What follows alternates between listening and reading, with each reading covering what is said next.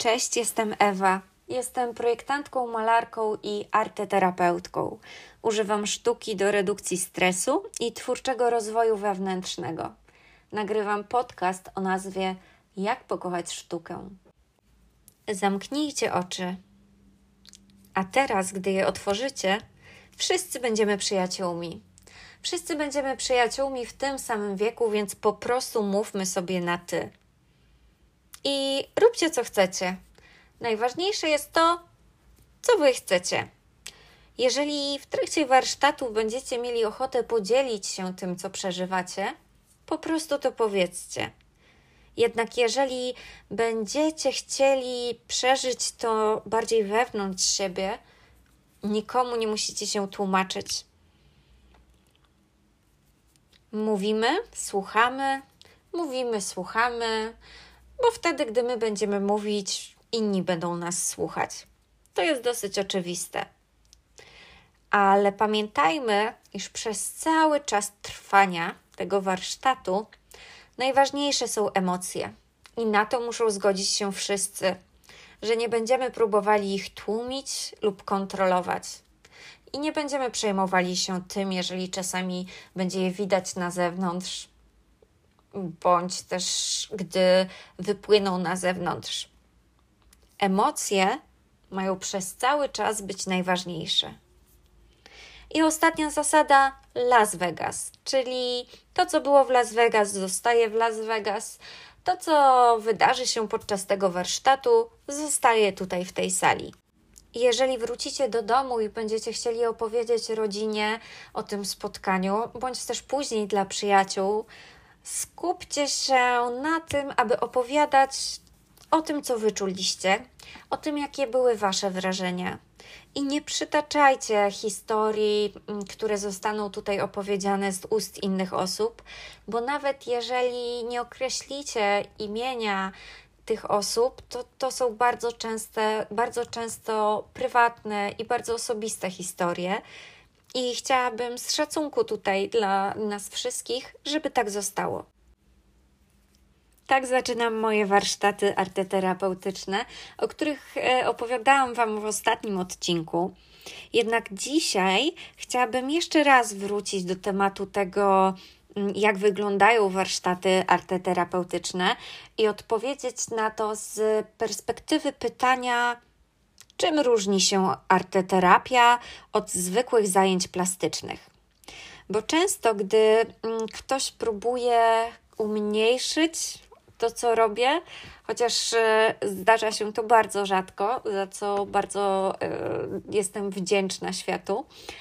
Ale mm, gdy jednak ktoś chce to podważyć, mówi o tym, iż arteterapia to w zasadzie są zajęcia plastyczne, tylko dorabia się do tego jakąś ideologię, lub że jest to po prostu taki wypełniacz czasu dla osób, które nie mają pomysłu, co robić, gdy mają wolną chwilę.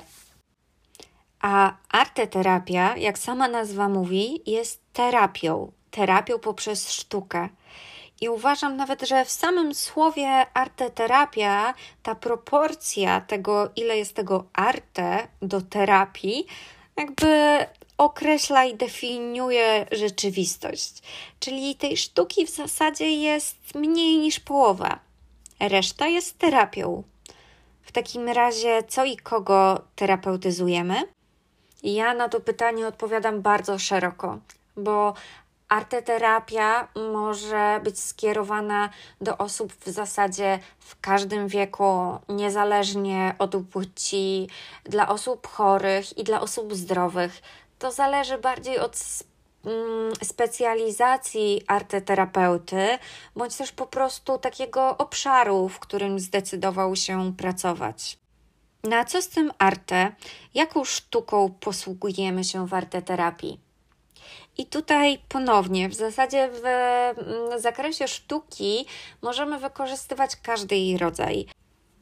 Mamy na przykład muzykoterapię, mamy mm, terapię tańcem. W zasadzie każdy rodzaj sztuki możemy wykorzystać w sposób terapeutyzujący, ponieważ jest to cecha sztuki.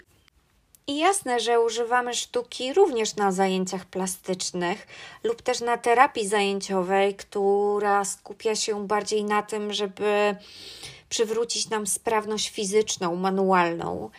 Ale arteterapia wykorzystuje sztukę w zupełnie inny sposób. Dlatego arteterapia nie jest ani zajęciami plastycznymi, ani terapią zajęciową, z którą często jest mylona. Jednym z podstawowych założeń arteterapii jest to, iż efekt końcowy nie ma znaczenia. Liczy się proces twórczy i to, co mm, osoba w trakcie tego procesu odkrywa w sobie. Jednak e, ja, ze względu na to, iż mam wykształcenie wyższe artystyczne, jestem magistrem sztuki, a moją pasją jest malowanie, dlatego ja znam, bo sama doświadczam tej ogromnej satysfakcji, która pojawia się w momencie, kiedy coś stworzymy. I w tym, jak ja prowadzę arteterapię i pracuję z różnymi osobami, ten aspekt takiej końcowej satysfakcji jest dla mnie jako arteterapeutki szalenie istotny, chociaż w definicji arteterapii uznawany za zupełnie nieznaczący. Jednak w momencie, kiedy pracuję z dziećmi, bądź też z osobą, która skupia się na swoim twórczym rozwoju wewnętrznym, uważam, że jest to szalenie istotne, ponieważ buduje to samoocenę z właściwym podejściem, często również odporność na krytykę i pewność samego siebie. A w takich sytuacjach moich wymarzonych i idealnych, ludzie w malarstwie odnajdują pasję. A pasja daje poczucie tożsamości i tego, kim jesteśmy naprawdę, i to jest nieocenione. Jakich narzędzi potrzebuję do tego, aby przeprowadzić warsztat arteterapeutyczny? Z racji tego, iż zajmuję się malarstwem, potrzebuję narzędzi malarskich oraz podłoża, na którym możemy malować. Ale z artyterapeutycznego punktu widzenia, po pierwsze, potrzebuję spokoju i potrzebuję, aby ta druga osoba miała, była przekonana o tym, że to, co robi, jest ważne i wartościowe. Oczywiście to ja ją staram się przekonać na początku warsztatu, że to, co będziemy robić, jest ważne i wartościowe. Malowanie w każdej postaci to ważny element dzieciństwa. Dlatego arteterapia sprawdza się świetnie we wszelkiego rodzaju terapeutycznych rozmowach i terapeutycznej pracy z dziećmi ale wtedy musimy spojrzeć na to, co dzieci tworzą, na ich rysunek z odpowiedniej perspektywy i zadać sobie pytanie, do czego służy rysunek. Czy na pewno służy nam do opowiadania historii, do opowiadania historii typu, no na tym e, rysunku mamy rodzinę, która mieszka w tym domu, mają psa, ale rysunek nie służy nam do opowiadania historii. On służy nam do tego, aby zobaczyć emocje i wartości i żeby zastanowić się nad tym, kto w tej rodzinie jest największy i zajmuje najwięcej miejsca na kartce. Czy dziecko jest również na tym obrazku, czy zapomniało o samym sobie? Gdzie dziecko umieściło siebie? Czy członkowie rodziny stoją blisko, czy w jakichś nieproporcjonalnie dużych odległościach? Tyle ważnych informacji o świecie dziecka, często o świecie naszego własnego dziecka, możemy dowiedzieć się z ich ilustracji, które tworzą. Jednak gdy skupiamy się na tym, aby obrazek był ładny, a co oznacza, że obrazek jest ładny? Bardzo często w takim okresie dziecięcym oznacza to, że tak, potrafię rozpoznać, że to jest kotek. To znaczy, że pięknie namalowałeś, namalowałaś ten obrazek. A to, że potrafimy rozpoznać daną rzecz na danym obrazku tworzonym przez dziecko, jest w tej chwili naprawdę najmniej istotne. Możemy się dowiedzieć dużo bardziej wartościowych rzeczy, kiedy spojrzymy trochę z innej perspektywy. I mówiłam o tej końcowej satysfakcji, ale wiecie, co zabija najbardziej końcową satysfakcję? To jak ktoś weźmie pędzelek i poprawi Twój obrazek, żeby był ładniejszy. I jak gdy prowadzę część artystyczną moich warsztatów, zawsze mam swoją kartkę i swój pędzelek i nie dotykam pędzelków czyichś osób, a tym bardziej nie poprawiam ich prac tylko po to, żeby były ładniejsze. Bo nawet jeżeli na koniec jesteśmy tylko troszeczkę usatysfakcjonowani i zadowoleni tym, co zrobiliśmy, to jeżeli wiemy, że te tylko troszeczkę jest nasze i że my, tylko my to stworzyliśmy, to i tak jest magia. To i tak jest moc energii i co najważniejsze, taki kop do rozwoju i do działania dalej. I dlatego czasami potrafi się zirytować, jeżeli ktoś poucza dziecko, a sam nie rozumie różnicy pomiędzy kolorem a barwą. Prawdziwy kolor przedmiotu widzimy w jasnym świetle, kiedy nie pada na ten przedmiot żaden cień, bądź też nie oddziałuje na niego kolor innego przedmiotu.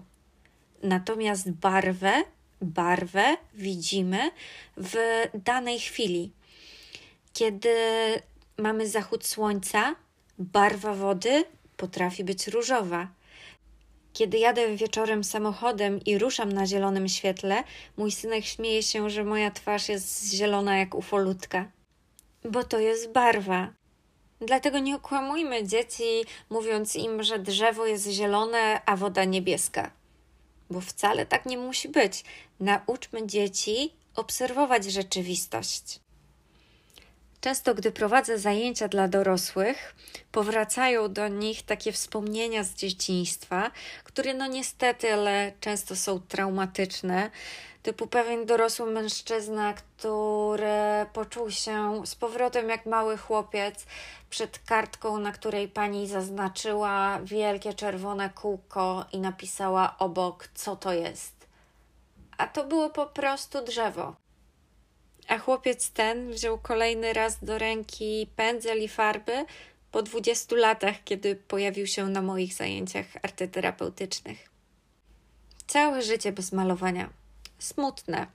Jest również taki krytyczny okres w mm, czasie, gdy jesteśmy nastolatkami, kiedy przestajemy w jakiś sposób malować tylko dla samej przyjemności tworzenia, ale zaczynamy porównywać się z innymi i zaczynamy odczuwać bardziej krytykę, kiedy właśnie w okresie dorastania buduje się nasze poczucie wartości.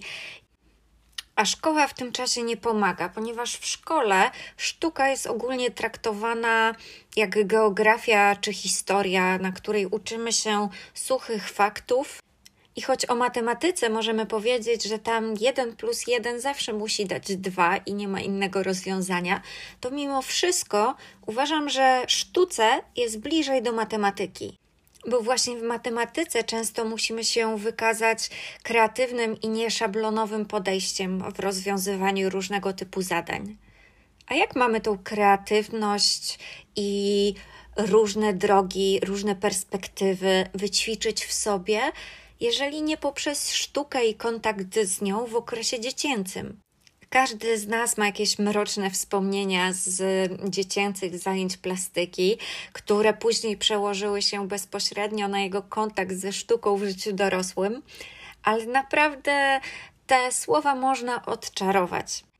Sama, gdy studiowałam na Akademii Sztuk Pięknych, mierzyłam się z komentarzami profesorów, którzy mówili mi: Pani Ewo, no nie, no z rysunkiem beznadziejnie. Pani nie potrafi rysować. Nie, nie, nie, tutaj to tragedia jest.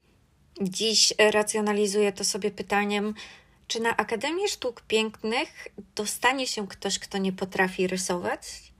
Ale po skończonych studiach bardzo długo zajęło mi, zanim swobodnie sięgnęłam po ołówek czy też farby. Pamiętam również takie wydarzenie z liceum, kiedy podczas zajęć z historii sztuki wybuchłyśmy śmiechem z moją przyjaciółką i zostałyśmy wyrzucone z sali, wyrzucone z lekcji.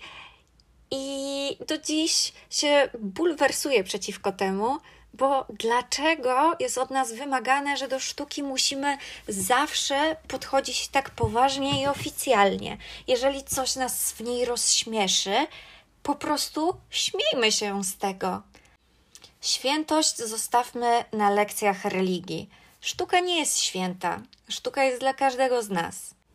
A najśmieszniejszy tekst, a tak naprawdę myślę sobie najtragiczniejszy tekst, jaki usłyszałam, który pokazuje, jakie jest podejście szkolnictwa do sztuki, usłyszałam w mm, Muzeum Witkacego w Krakowie, kiedy byłam również tam z klasą na wycieczce szkolnej, jednak indywidualnie udałam się do Muzeum Witkacego, ponieważ my nie mieliśmy tego w y, planie. No i tam również była cała grupa osób no, w takim wieku licealnym, uczniów, którzy ze swoimi nauczycielami zwiedzali wystawę, która, która jest tam prezentowana. I w pewnym momencie, kiedy zrobiło się gwarno, jeden z nauczycieli powiedział: Cisza, macie być grzeczni, bo jak nie będziecie grzeczni, to jutro znowu będziemy szli do muzeum. A czemu ma nie być Gwarno w Muzeum Witkacego, który tworzył swoje prace eksperymentując z różnego rodzaju środkami halucynogennymi? Często mam wrażenie, że to my podchodzimy tak bardzo poważnie do sztuki, podczas gdy artyści się nie ubawią, cieszą się z niej. Dlatego często łatwiej jest mi prowadzić zajęcia arteterapeutyczne dla dzieci, bo z nimi od razu wchodzę w tą zabawę i radość i czerpię z tego sama niesamowitą frajdę. Nawet jeżeli tematem tych warsztatów są smutne rzeczy, takie jak chociażby śmierć lub strata bliskiej osoby, bo zajęcia, które prowadzę w emocji, są dedykowane dla dzieci właśnie z takimi doświadczeniami. Jednak w dzieciach jest ogromna chęć życia, ogromna ciekawość przyszłości. I choć często te zdarzenia, trudne zdarzenia, jakich doświadczają w życiu, przykrywają tą codzienność taką warstwą smutku, to naprawdę sztuka z łatwością potrafi wydobyć tą radość i energię, entuzjazm, który zawsze w dziecku jest w środku. Prowadzę zajęcia arteterapeutyczne właśnie dla dzieci dotkniętych stratą bliskiej osoby w Gdańskim Centrum Emocja. Jest to holistyczne centrum wsparcia po stracie, gdzie w obliczu śmierci i choroby nikt nie jest sam. W czerwcu natomiast odbędą się kolejne warsztaty dla dorosłych. Jeśli sami doświadczyliście straty, bądź znacie osoby, które przez nią przechodzą, ja i sztuka czekamy na Was w emocji. Jeśli jesteście zainteresowani, wystarczy wysłać zgłoszenie na adres mailowy kontakt jak słyszycie zawsze na początku, założyłam sobie, iż będę używała arteterapii do redukcji stresu i twórczego rozwoju wewnętrznego. Jednak bardzo szybko na swojej drodze przekonałam się o tym, że arteterapią mogę pomóc ludziom w ich największych kryzysach życiowych. A to nadaje sens również mojemu życiu, bo mi arteterapia bardzo pomogła i teraz po prostu mogę się jej odwdzięczyć. W następnym nagraniu opowiem więcej o tym, czym zajęcia arteterapeutyczne dla dorosłych różnią się od zajęć plastycznych. Dziś skupiłam się bardziej na dzieciach, z tego względu, że już żyję tymi warsztatami, które poprowadzę z nimi za tydzień. Ściskam Was wszystkich serdecznie i do usłyszenia. Ewa.